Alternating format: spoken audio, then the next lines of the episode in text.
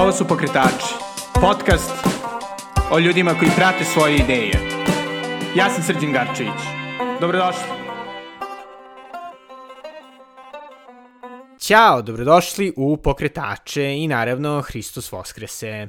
Današnja gošća je jedan od mojih omiljenih mladih umetnica, Andreja Dremićanin, i razgovarali smo o umetnosti tokom pandemije i šta ona očekuje o umetnosti posle pandemije, ali naravno i o drugim stvarima kao što je značaj zanatske strane umetnosti u obrazovanju umetnika i njegovom ili njenom radu, a konačno i o vremenu koje je provela u Parizu kao stipendista francuske vlade na prestižnom Bozaru. Pre nego što čujete moj razgovor sa Andreom, želim da se zahvalim svima vama koji slušate, a pogotovo svojim mecenama koji podržavaju ovaj podcast i moj blog The Natural Times i tokom ovih vrlo teških vremena preko Patreona i Paypala.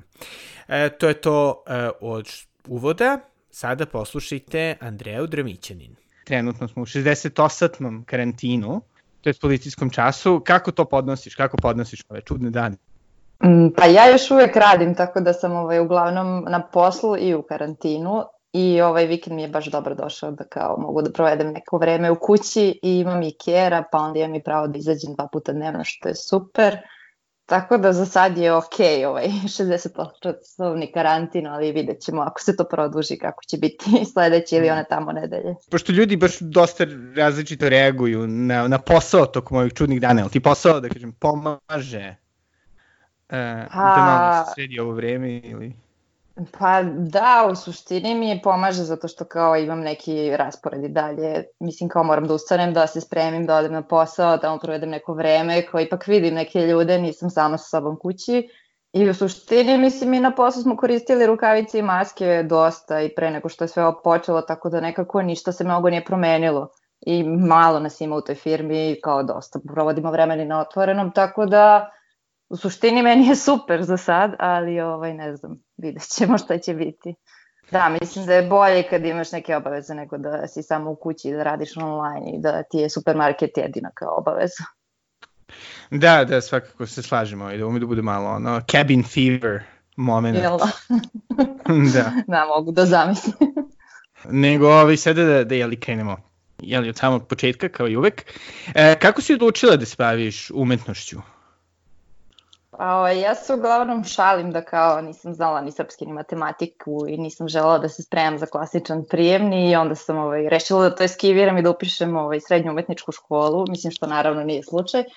Jednostavno volala sam nekako da crtam i da vajam i onda se nekako pojavila ta kao ideja da se upiše srednja umetnička škola i jednostavno, mislim, kao to je uspelo, zatim je bilo nekako logično da ću nastaviti da se bavim time i dalje, da ću pisati likovnu akademiju i eto i posle akademije sam nastavila da se bavim time, tako da za sad kao to je to. Pošto, ne znam, puno ljudi koji su išli u srednju umetničku, čisto možda opišu prilike kako to izgleda, pošto je to šta odluka u 15. godini u suštini? Da, da, dosta je čudno i taj prijemni za umetničku školu je uvek pre prijemno koji je za kao klasične škole i onda uvek nekako kao bi trebalo da se spremate za oba jer imate kao šansu da i dalje upišete normalnu školu, da tako kažem. I ovaj, u suštini svi zajedno polažemo prijemni sve umetničke škole koje se nalaze u Beogradu naravno. Tu se spremate crtanje, slikanje i vajanje i ovaj, posle toga se bira određeni smer na koji se upada. Ja sam bila graver, što stvarno, ovaj, kad sam upisivala školu nisam znala ni šta znači, ali kao, eto, tako lista želja se namestila da ja upadnem na taj smer, što u suštini nije bilo loše, jer se tu dosta zanata učilo, što meni na kraju i koristilo. I ovaj, pa ne znam, posle u toj školi imate naravno sve normalne časove, matematiku, biologiju, hemiju, donekle, čak i muzičko, i geografiju, i fiziku, I onda pred kraj te škole nekako se iskristališe i ostajete samo sa tim nekim umetničkim predmetima, sa tom praksom i nekako pripremom za taj kao budući umetnički život. I jesi se osetila vrlo pripremljenom za budući umetnički život? Naravno da ne. Čak ni posle akademije. Mislim kao to je stvarno ovaj, jako čudno jer niko vas ne, ne sprema stvarno za to kako to izgleda. Mislim, ne poznajete ni taj sistem koji ja donekle mislim da i ne postoji nekako. Kod nas nije razrešeno ni taj galerijski sistem, ni taj sistem kao samostalnog umetnika, do dobijanja tih statusa, mislim, to je sve jako čudno i ovaj, mislim da još uvek nisam postala deo ničega toga, nisam kao, nemam status samostalnog umetnika, nisam ni član Ulusa, ni Ulupuca, nekako, stvarno, ne znam, ne osjećam neko poverenje, ne ulivaju mi poverenje ta udruženja da bi se sad kao pri, priklonila tome. I dobro, ono, da li si se tokom celoga školovanja ti već osjećala kao da si ono umetnica ili, mislim, što bi rekla kako se postaje ono umetnik, a ne samo neko ko je završio akademiju ili... Ajoj, pa ja mislim da se ja još uvek ne osjećam kao umetnica, to mi ovaj, imam vrlo veliki problem sa, sa nekako plasiranjem sebe i reklamiranjem, da kažem tako, same sebe i svojih umetničkih dela. I nekako kao i kad okačim svoj crtež ili neki rad na Instagram, ja ostim kao da sam u wow, dok sam ja dogurala, vidi što sam uradila, kako sam reklamu sebi napravila, što u suštini uopšte nije istina.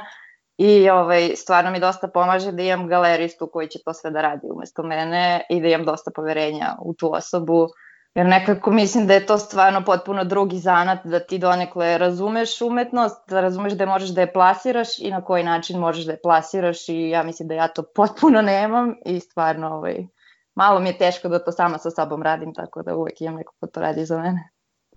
Da, i ono što je isto sjajno u tvojim radovima, i što su, što su meni posebno sviđa, zato što su s jedne strane vrlo subverzivni, a sa druge strane su vrlo tehnički ambiciozni. Mislim, bilo da se radi o skulpturama, bilo da se radi o instalacijama, Ove, koliko vremena možete provodiš u samom, da kažem, izradi rada, pošto to je ono što, što nekako sada kako je umetno sve više konceptualno i sve više se gleda neka, da kažem, tema i ovaj, E, šta će kustosi da napišu onim e, da, da. često opkornim tekstovima. Ove, kako zapravo izgleda samo to pravljenje tih fantastičnih radova? Pa, ja sam dosta volala taj zanetski deo posla i, na primjer, dok smo bili na akademiji, znam da ljudi uglavnom nisu volili da se baviti tim kao livenjem skulptura ili izradom i ja sam nekako onda to radila i drugim ljudima, pogotovo im mojim prijateljima koji su bili na slikarstvu, baš sam volala da im pomažem i kao da im olakšam, jer nekako mi je to lako išlo i ja sam to volala da radim. I mislim da i to dosta doprinulo tome da ja budem, da kažemo tako, tehnički pismena. A samim tim, posle toga sam počela da radim u toj radionici koja se bavi ovaj, proizvodnjom tih umetničkih dela, tako da imam jako veliku pomoć ovaj, majstora i zaposlenih tamo koji kad god ja treba da rešim nešto, neki problem, ja dođem i na primjer kažem ajde sad da pravimo kabinu koja će da duva latice, oni me pogledaju, prevrnu očima i onda kao krenu da istražuju, pa kao evo možda možeš da kupiš ovaj aparat, možda to možemo ovako da nacrtaju skicu i sve to. Tako da nekako ni, ni ne radim ja sve sama, imam veliku pomoć drugih ljudi, bliskih ljudi i ovaj, jednostavno to mora tako. Mislim, ili unajmite neke majstore koji će vam pomagati jer nema šanse da vi znate baš sve da uradite sami ali dobar deo stvari umem ja da uradim sama, mislim kao to neko livenje ili neke tehnike stvari koje su vezane baš za skulpture i te stvari i u ovaj, umetničke predmete izradu toga. Zapravo jedna od stvari, ovaj, kad sam pričao sa, sa jednim ovaj, relativno prominentnim galeristom u Beogradu, Janom Oiksterom, on je baš pomenuo kako stvar koja Srbiju čini posebnom je to što naši e, umetnici i dalje uče baš te, da kažem, zanatske predmete, za razliku recimo od od ovih zapadnih škola. Pošto sam vidio u tom CV-u da si bila i u e, Francuskoj jednu godinu tokom studija na, kao stipendista ili francuske vlade, kako je izgledala ta, da kažem, razlika u obrazovanju, što može da pristup umetnosti između Beograda i Pariza? Da, pa ovaj, u Parizu ja mislim da je to mislim kao je to jedina strana škola s kojom sam ja imala tako ovaj, blisku saradnju. Dosta škola, mislim, posticala sam i dosta drugih škola ili sam upoznala ljude koji su studirali na drugim fakultetima, ali u Parizu je super to što vi imate pokriveno bukvalno sve, od toga da, da li hoćeš da učiš programiranje, da li želiš da crtaš anatomiju, da li želiš da crtaš abstraktne crteže, da li želiš da vajaš, petaš keramiku, liješ silikon, polijester, znači postoji predmet bukvalno za sve što je neophodno za jednog umetnika I samo je pitanje tvog senzibiliteta šta, za šta ćeš se odlučiti. Ja sam tamo stvarno dosta stvari naučila koje ovde nisam imala priliku da savladam. Imala sam super profesore koji imaju stvarno neverovatan pristup i za jako kratko vreme mislim da sam napravila jako veliki pomak. Tako da mislim da nije u suštini toliko velika razlika. Znači, neke škole i dalje imaju taj klasičan pristup kao i naša škola, s tim što možda imaju malo više savremeni pristup, to je mogućnost za savremeni pristup nego što ima naša škola. Pritom tamo imate izložbe koje ne možete ni da zamislite ovde da ćete ikada videti i i nekako kao čak i sa studentskom karticom imate pravo da uđete u bilo koji muzej na bilo koju izložbu, bukvalno sve za džabe i kad vide karticu sa Bozara kao da ste ono nacionalno bogatstvo i kao samo prođi, uđi, gledaj, radi šta god. Tako da mislim da u suštini nije, nije velika razlika i ideje studenta tamo i ovde su jako slične. Mislim, vi stvarno možete da napravite kao neki parametar da nađete ono studenta kog znate ovde i tamo sa idejom i drugačijom možda izradom rada. Tako da nije velika razlika, jedino što tamo postoji to neko tržište koje stvarno radi i drugačiji je pristup, znači njima galeristi dolazi na godišnje izložbe i to je jako posjećena stvar. Čak i na predavanja na akademiji dolaze ljudi posle posla da slušaju jer misle da je zabavno i žele nešto da nauče, što kod nas do duše nije slučaj, tako da ovaj, eto možda to je jedino drugačije što ipak tamo nekako većina ljudi ima vremena i upoznate sa tim, a ovde možda malo manje ljudi je upoznato sa tim i nema toliko vremena da se bavi umetnošću ili da posećuje galerije i predavanja. I sada, ovaj, kad smo ja ne pričali malo o ovom eh, tehničkom delu, sada možda malo da se okrenemo na onaj, kažem, idejni eh, ili ovaj malo obskurniji deo. Eh, mislim, pretpostavljam da je ono najgluplje pitanje koje možeš da pitaš umetnika kao u fazonu, da li, da li razmišljaš prvo o poruci svojih radova, pa onda ih kao stvaraš? I kao kako izgleda umetnički proces, tako da nećemo to, ali me čisto interesuje ovaj, E, kakav je tvoj odnos prema onim prilično e, teško razumljivim kustoskim opisima u koji se učitavaju neke velike poruke, jel, jel to nešto što misliš da odgovara tome što želiš da uradiš ili je nešto što deluje ono, kao kustoski deo posla? Pa, ovaj, u suštini, e, mislim, da umetnici baš dosta ovaj, razmišljaju drugačije, nezavisno jedni od drugih, ali ja, na primer, nikada ne smislim kao poruku i taj tekst kustoski koji bi ja htela, pa da onda kao pravim svoje delo koje će tome odgovarati, nego više nekako kao skupim neku gomilu inspiracije na jednom mesto, kao da nebitno da li su to filmovi koje sam pogledala, knjige, izložbe, umetnički radovi, ono, slike sa interes, Instagrama, Mislim, samo kao nekako mi se nakupi dosta svega što me inspiriše i onda se to nekako pretoči u neki moj senzibilitet. U neki rad koji kao, eto, onda stvarno zavisi od toga koliko ja imam vremena za nešto, koji budžet imam i koliko, tehni, koliko tehnički ove mogućnostima raspolažem. I onda nekako je sve to spoj, mislim, svega toga što na kraju napravi to neko umetničko delo, A što se tekstova tiče, ja ne volim da pišem tekstove za sebe, jer stvarno mi, isto kao što mi je teško da plasiram svoj rad, tako mi je teško i da ga nekako sagledam sa strane i da kažem to i to ili ne znam, stvarno imam problem da ga ovaj, verbalizujem. I uglavnom to rade ovaj, neki moji prijatelji u koje isto imam poverenja ili unajmim nekoga, mislim nekoga koji je završio istoriju umetnosti i kome je to posao da jednostavno zna više stvari od mene što se tiče toga i da ovaj, bude mu lakše da napravi neke ovaj, paralele i napiše tekst sa savremenom umetnošću ili sa bilo čim, tako da nekako volim da to rade ljudi koji su se za to školovali, a da ne da. budem to ja. Prvi rad tvoj koji sam vidio je zapravo bila pa skulptura jedne tvoje, jel tako, prijateljice koja se bavi cheerleadingom. Ove, imaš te stvari, imaš e, tu divnu kabinu sa laticama koja je bila u salonu u Muzeju savremene umetnosti, onda postoje oni divni crteži koji podsjećaju mene, makar ne znam da li to bila ideja, na one maske za mučenje iz e, srednjega veka. Ove, jel nekako ono, već osjećaš da oni nose neku istu koherentnu poruku ili je svaki deo toga čime se baviš dosta drugačiji, neka druga ideja? Pa ja kad ih gledam oko sa strane bi rekla da to kao nema veze jedno sa drugim i da je to sve došlo iz nekog drugog, ono, s neke druge gomile inspiracije, ali na kraju krajeva to je nekako uvek sve ima tu jednu zajedničku crtu što je nekako kao da kažemo položaj žena i ovaj, kao sve to kod njih, da, da se tako izrazim, jer u suštini sve polazi odatle, kao te cheerleadersica je to neko šta njeno to bavljanje time predstavlja za drugi svet kako oni to vide mislim kao da li je to samo kostim da li je to sport da li je to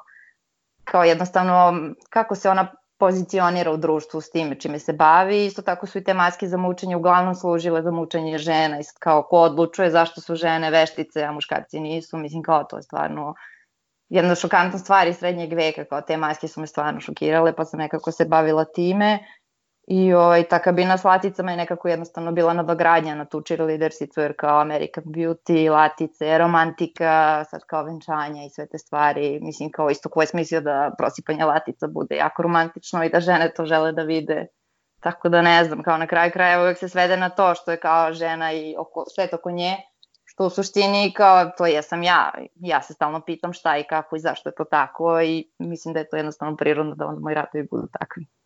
Da, da. I sada kako je krenula ova uh, pandemija, si na svom Instagramu ovaj, dala dosta prostora svojim prijateljima i porodici koji se bave medicinom. Ove, jel bi to smatrali nekim svojim isto umetničkim radom ili pa, je to neka ne, lična? Nisam to smatrala svojim umetničkim radom, ovaj, jednostavno kao kad je sve ovo krenulo, pošto mi sestra živi u Italiji, drugarica u Kini, onda tetka u Nemačkoj i sad kao stalno ste u kontaktu sa njima i pitate kako je, šta ima pre nego što krene sve kao nizbrdo, da, budete, da znate da su na sigurnom. I onda nekako sam žela kao da im odam neku počast pre nego što sve to krene, jer kao ipak oni svi prate moj rad, dolaze do moje izložbe, kače moje izložbe na njihove Instagrame i onda kao jednostavno sad je bio trenutak da im se oda nekako počast što rade to što rade i da ne bude posle kao, ne znam, kasno za to. I, hm. ovaj, I na kraju, pošto sam kačila slike sa maskama, onda sam nekako skapirala da se to u stvari dosta gađa sa stvarima koje ja radim, jer sam imala celu jednu seriju gde su ovaj, uglavnom identiteti pokriveni, uglavnom moji radovi nemaju glave ili imaju maske na glavama, tako da kao to se nekako uvezalo sa tim mojim radovima, tako da ovaj, nije ispalo iz tog umetničkog, da kažemo, ovaj, dojma. Mm, da, da. I isto me interesuje ono, recimo, jeli, kroz, kroz istoriju svaka velika e, velika trauma koju je društvo proživljavalo jeli, od velike kuge, koja je inspirisala razne umetnička dela, ono, od Dantea do one, one prilično mračne vizualne umetnosti e, poslednje, pa ne znam sada, jeli, prvi svetski rat sa modernizmom i futurizmom, ovaj, ili misliš da će, ili da li ti osjećaš da na neki način pandemija stvara neku, da kažem, novu energiju u, u umetnosti? Ili misliš, ili je, ili je jednostavno umetnost već toliko postala ono, slobodna da neće biti sada kao neka posebna post-pandemijska umetnost? Joj, pa ne znam, kao, baš sam se to pitala kad je sve krenulo, ono, pitala sam druga, kao šta misliš, šta će biti sad sa ovim, kao već mi krenulo da me hvata panika, jer svi smo imali neke zakazane izložbe, neke sajmove, kao svi radimo, pravimo neke radove, a onda opet, kao ako je sve stalo, celo, cijela ekonomija i društvo nekako polako staje i sad svi kupuju samo osnovne stvari i naravno kao bit će tu sigurno i neki proces da ćemo morati sa nekog, iz nekog minusa da se vratimo bar na neku nulu ili neki plus i kao mislim da će nekako tu art biti malo skrenut sa strane. I isto galerijskinja mi je rekla, ja, šta ćemo da radimo, 2008. je bilo isto ovako, kao niko nije kupovao art, tako da, mislim, prvih mesec dana smo se stvarno svi, ja mislim, jako naplašili, ali mislim da kao u suštini to kao izražavanje umetničko i to nešto, ne verujem da će imati neki bitan sad ovaj, uticaj na umetnost kao umetnost više na život koji znamo ili poznajemo i na tu bliskost koju imamo, pa možda će odatle i doći ta neka promena ovaj, što se tiče umetnosti, iz jednostavno iz interakcije ovaj, međuljudske, što će sve to mm. promeniti, da. Mm, da, da. I čisto mi interesuje, ovaj, pošto mi deluje da u proteklih par godina, kao nekome ko je, da kažem, zainteresovani uh, amater u svemu tome. Ovaj, čini mi se da zaista postoji neka velika želja makar u Beogradu da savremena umetnost dobi malo više prostora, bilo je dosta sjajnih izložbi, pomenuo sam jeli, u fantastičnu izložbu mladih e, ženskih umetnika u ovaj, salonu Muzeja savremene umetnosti, dolazi nam e, oktobarski salon, ovaj, kako izgleda beogradska savremena umetnička scena ili srpska savremena umetnička scena. Ne znam koliko su ta dva odvojiva.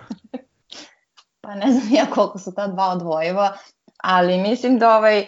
Pa evo sad u stvari baš kad si me pitao za tu pandemiju i to, uh, jedna domaća galerija pokrenula kao to da se galerije u vreme krize ujedine i da reklamiraju nekako jedni druge i, i umetnike iz drugih galerija, što je stvarno super jer onda oni svi kače istog umetnika, tako da šira publika može da se upozna sa radom umetnika iz neke druge galerije i da se upozna sa tom nekom drugom galerijom, što je stvarno super.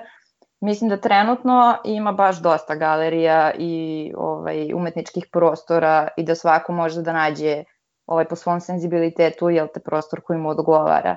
i da to ugovaranje izložbi nije više toliki problem. Mislim da je najveći problem, kao što i do sad bio, jednostavno taj budžet koji je jako teško da se dobije preko konkursa i ministarstava, a onda opet neki privatni sponsor i to sve ide malo teže, tako da stvarno ovaj, da nabavite neki normalan budžet za izložbu je malo komplikovanije i uglavnom svi sami finansiramo sve što imamo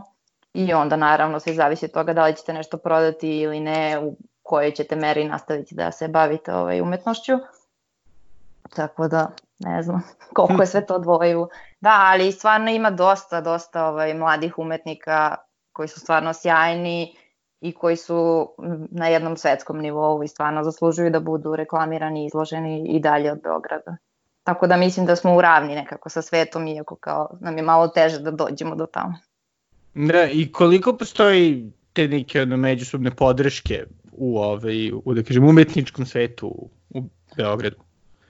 Pa ja mislim da postoji jako dosta te međusobne podrške jer zbog, bez toga ovaj, ne bi ni funkcionisalo sve jer uglavnom sve ide na to da li će neko da vam pomogne i da vas pogura kad treba, da li svi znaju nekoga ko zna nekoga, ko može da vam nabavi osvetljenje, pod, piće, da vam odlije skulpturu, da vam ištampa, znaju da su najbolje grafike, da se štampa na aluminijum i tako to, tako da mislim u suštini nas je malo, nije to neka velika zajednica i svi se znamo, mislim kao ili ako ne znate, uglavnom poznaćete ih sve, jer to je jedan mali krug ljudi i to, te galerije, dovoljno da odete na dva, tri otvaranja i upoznaćete i galeristu i sve umetnike, jel te, koji su u tom krugu. Tako da mislim da je to super što se svi podržavaju i međusobno ovaj, pomažu. Da, i što bi rekla kako funkcioniše ovaj veze sa, sa svetom, jel si održala neke kontakte sa svojim prijateljima iz Pariza? Pa jesam, da, da, održala sam kontakte. Mislim, tamo, ja dok sam bila u Parizu, uglavnom sam se družila sa studentima sa razmene, kao to je bila moja, jel te, grupa.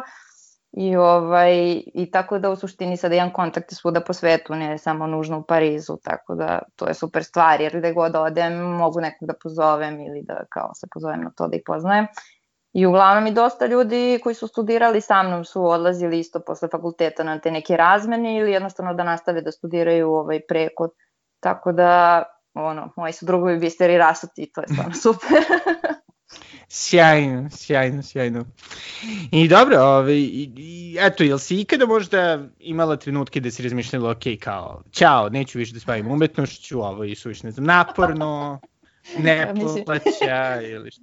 Da, da, mislim da to imam bar jednom dnevno tu nedumicu sama sa sobom. da. Ne, ovaj, mislim, ne znam kako, kako to kod drugih ljudi, ali uglavnom kao ja dok pravim taj rad, imam stvarno neke napade anksioznosti i to kao ja, zašto uopšte radim, jako mi je teško, pa radim ceo dan, pa onda ostajem da radim to, pa zašto ja to radim, ili to radim samo za sebe, kao doći će mi brati i sestra na izložbu i to je to. I mislim, to traje, dok god traje ta izrada rada dok slikate ili crtate, vi u suštini osjećate tako. Mislim, ja kao nekako neku anksioznost imam. I onda kada dođe taj trenutak izložbe, dok postavljate izložbu, to traje nekih nedelju dana recimo, e tu je onda stvarno ono roller coaster gore-dole, taj dan otvaranja i sutradan tu je kao uvek neki vrhunac kao, brate, to, to je trebalo da radim, vidiš da ti super ide, odlično si ovo radila, pokidala si i onda posle toga je opet ono neki down gde kao, joj, bože, zašto ja ovo radim i šta će mi sve u životu, tako da stvarno, ovaj, mislim, ne znam kako kod drugih ljudi, ali ja stalno proživljam neke roller coastere s tim i onda, ovaj, to, to je to. Da. Ali nekako dobro... kao, da, mislim, ne znam, ipak e, mislim da je taj nivo ovaj, satisfakcije veći od tog kao anksioznog dela, gde kao ipak to je nešto što vas gura da nastavljate da se bavite time. No, I što bi rekla, iz čega dobijaš najveću satisfakciju, iz, ono, iz samog čina starenja ili od povratne informacije od uh, ljudi koji gledaju tvoju izložbu? Pa mislim da taj stvar, sam stvar, ovaj, čin stvaranja ume da bude ovaj, dosta naporan, ali nekako kao, pošto ja radim, na primjer, dosta akvarela lavirane tuševe i sad ja to kao rasprostam sve po podu i onda ja tu sad slikam, dodajem boju, dodajem vodu i to je sad neki proces koji traje neko određeno vreme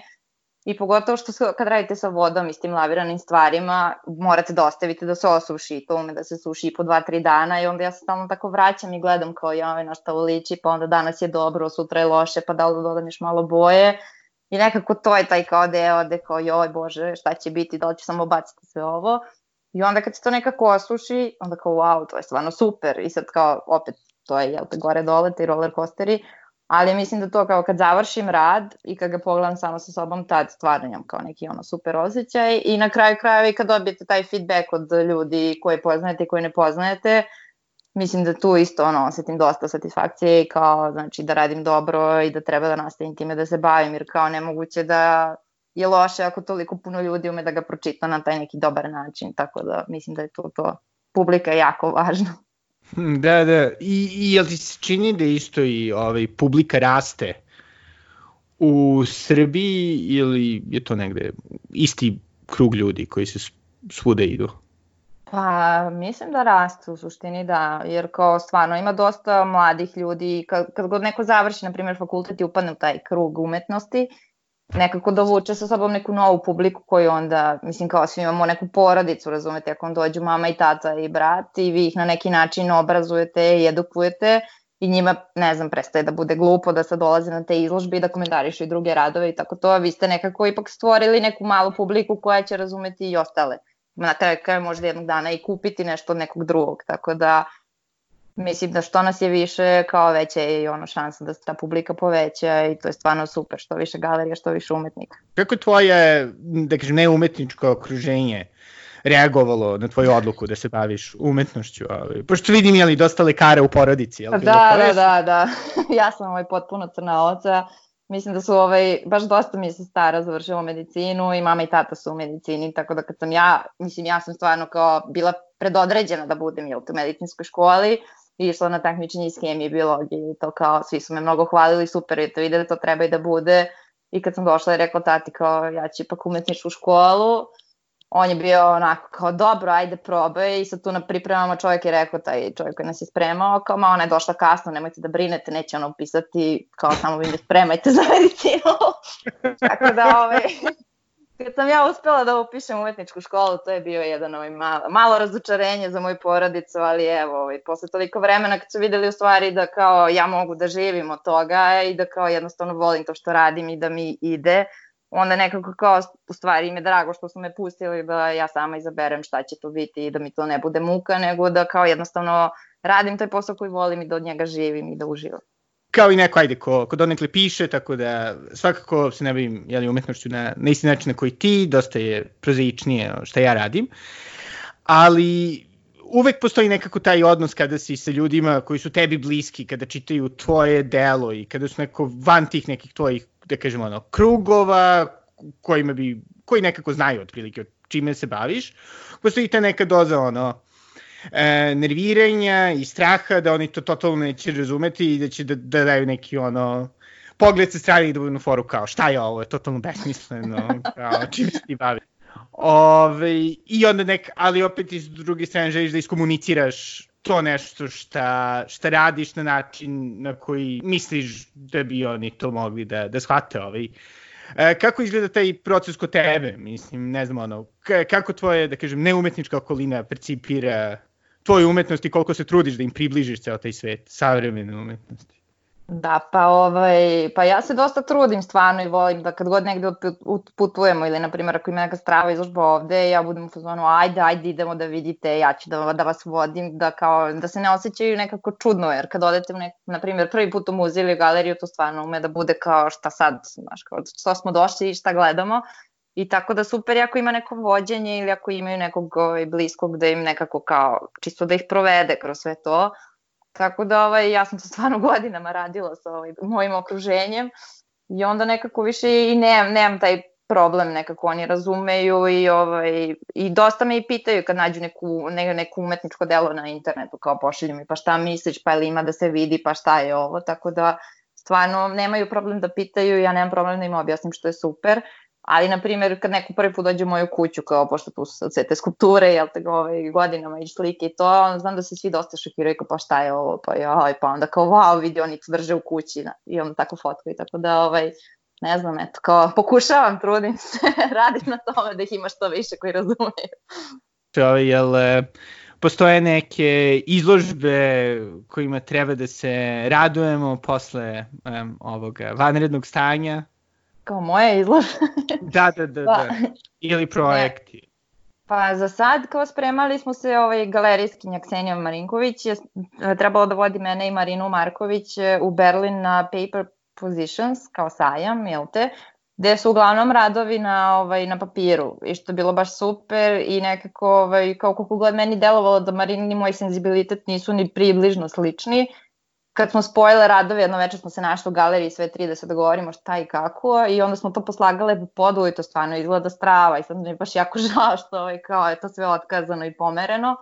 ali kao za sad to je to, ja ovaj, radim te crteže jednu novu seriju tih maski i još nekih dodatnih stvari da su opet neke žene sa maskama i nadam se da će ovaj tog sajma i biti. Pa kao to mi je prvi projekat za sada, vidjet ćemo za dalje kako i šta će se događati u Srbiji sa umetnošću. To, to sam isto zaboravio da pitamo, ali koliko misliš da zapravo ovaj,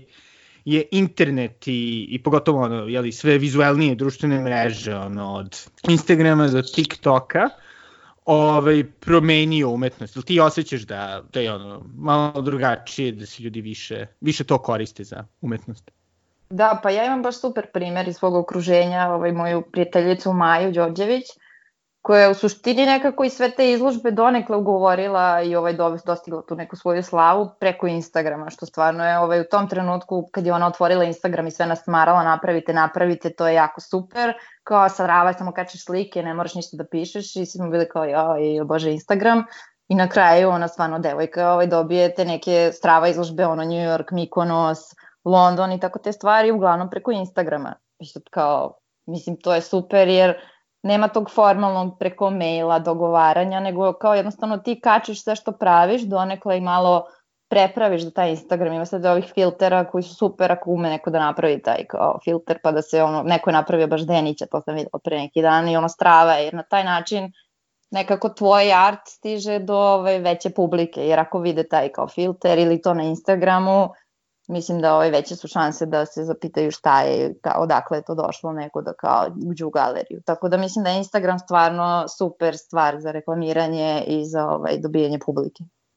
Da, a, a kao da kažemo ono, još jedan medij u smislu van e, tog čisto promotivnog, misliš da tu ima neku, neku vrednost u smislu da li misliš da postoji ono kao internet art koji bi baš ono koristio Instagram kao e, samo jeli, mm, sredstvo, da, da. ne? Pa ne, pa mislim te filtere, ja to stvarno kao za mene to neka viša matematika, sve to što se programira donekle.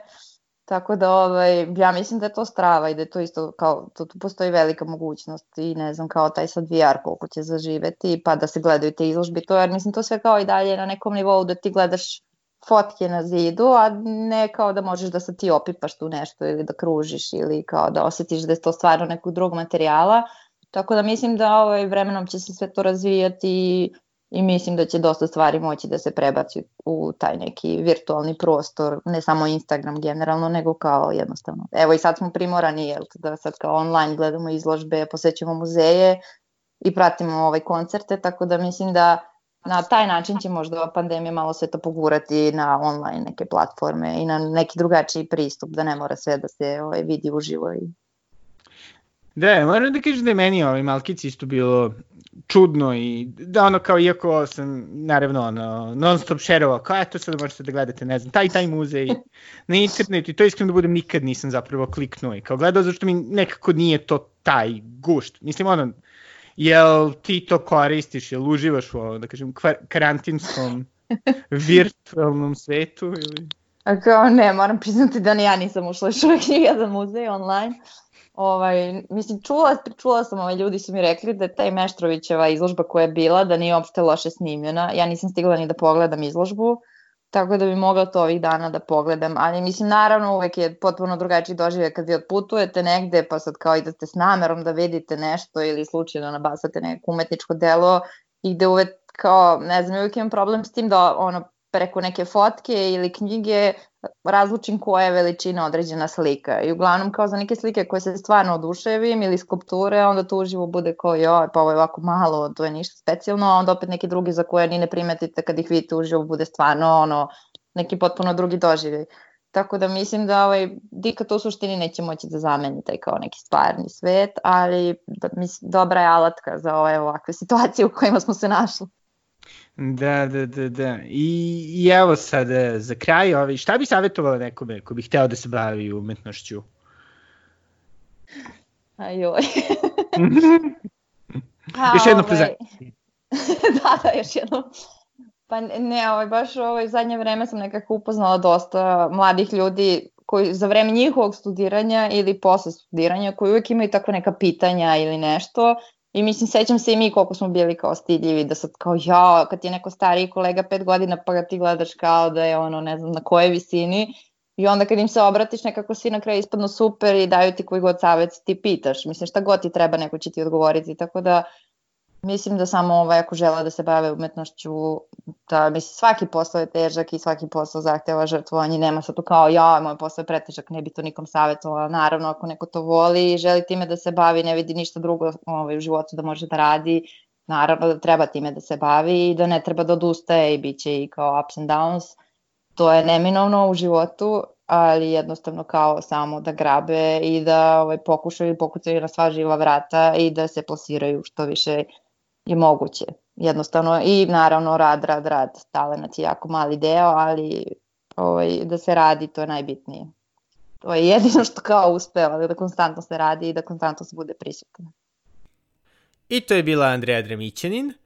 Ja se nadam da ćete uskoro imati prilike da vidite njena dela uživo, a do tada svakako overite njen Instagram, a možete da pogledate i par njenih dela na mom blogu thenaturaltimes.com. Tu su naravno i linkovi ka stvarima koje smo pomenuli. Hvala vam svima što ste slušali, hvala što pogotovo onima koji su odlučili da doniraju preko Patreona i Paypala. Vaša podrška znači da mogu da pokrijem osnovne troškove ovoga projekta, ali i da mogu i da još više investiram u njega ukoliko ste e, posebno drežljivi ovih dana, idite na patreon.com kosacrta Belgrade i tu možete da se pretplatite na podcast, to duše dobijete bukvalno ovo, e, zato što želim da sve bude dostupno što široj publici, e, ali ćete dobiti satisfakciju da ste podržali nešto što se nadam da volite. Inače, naravno, zašto biste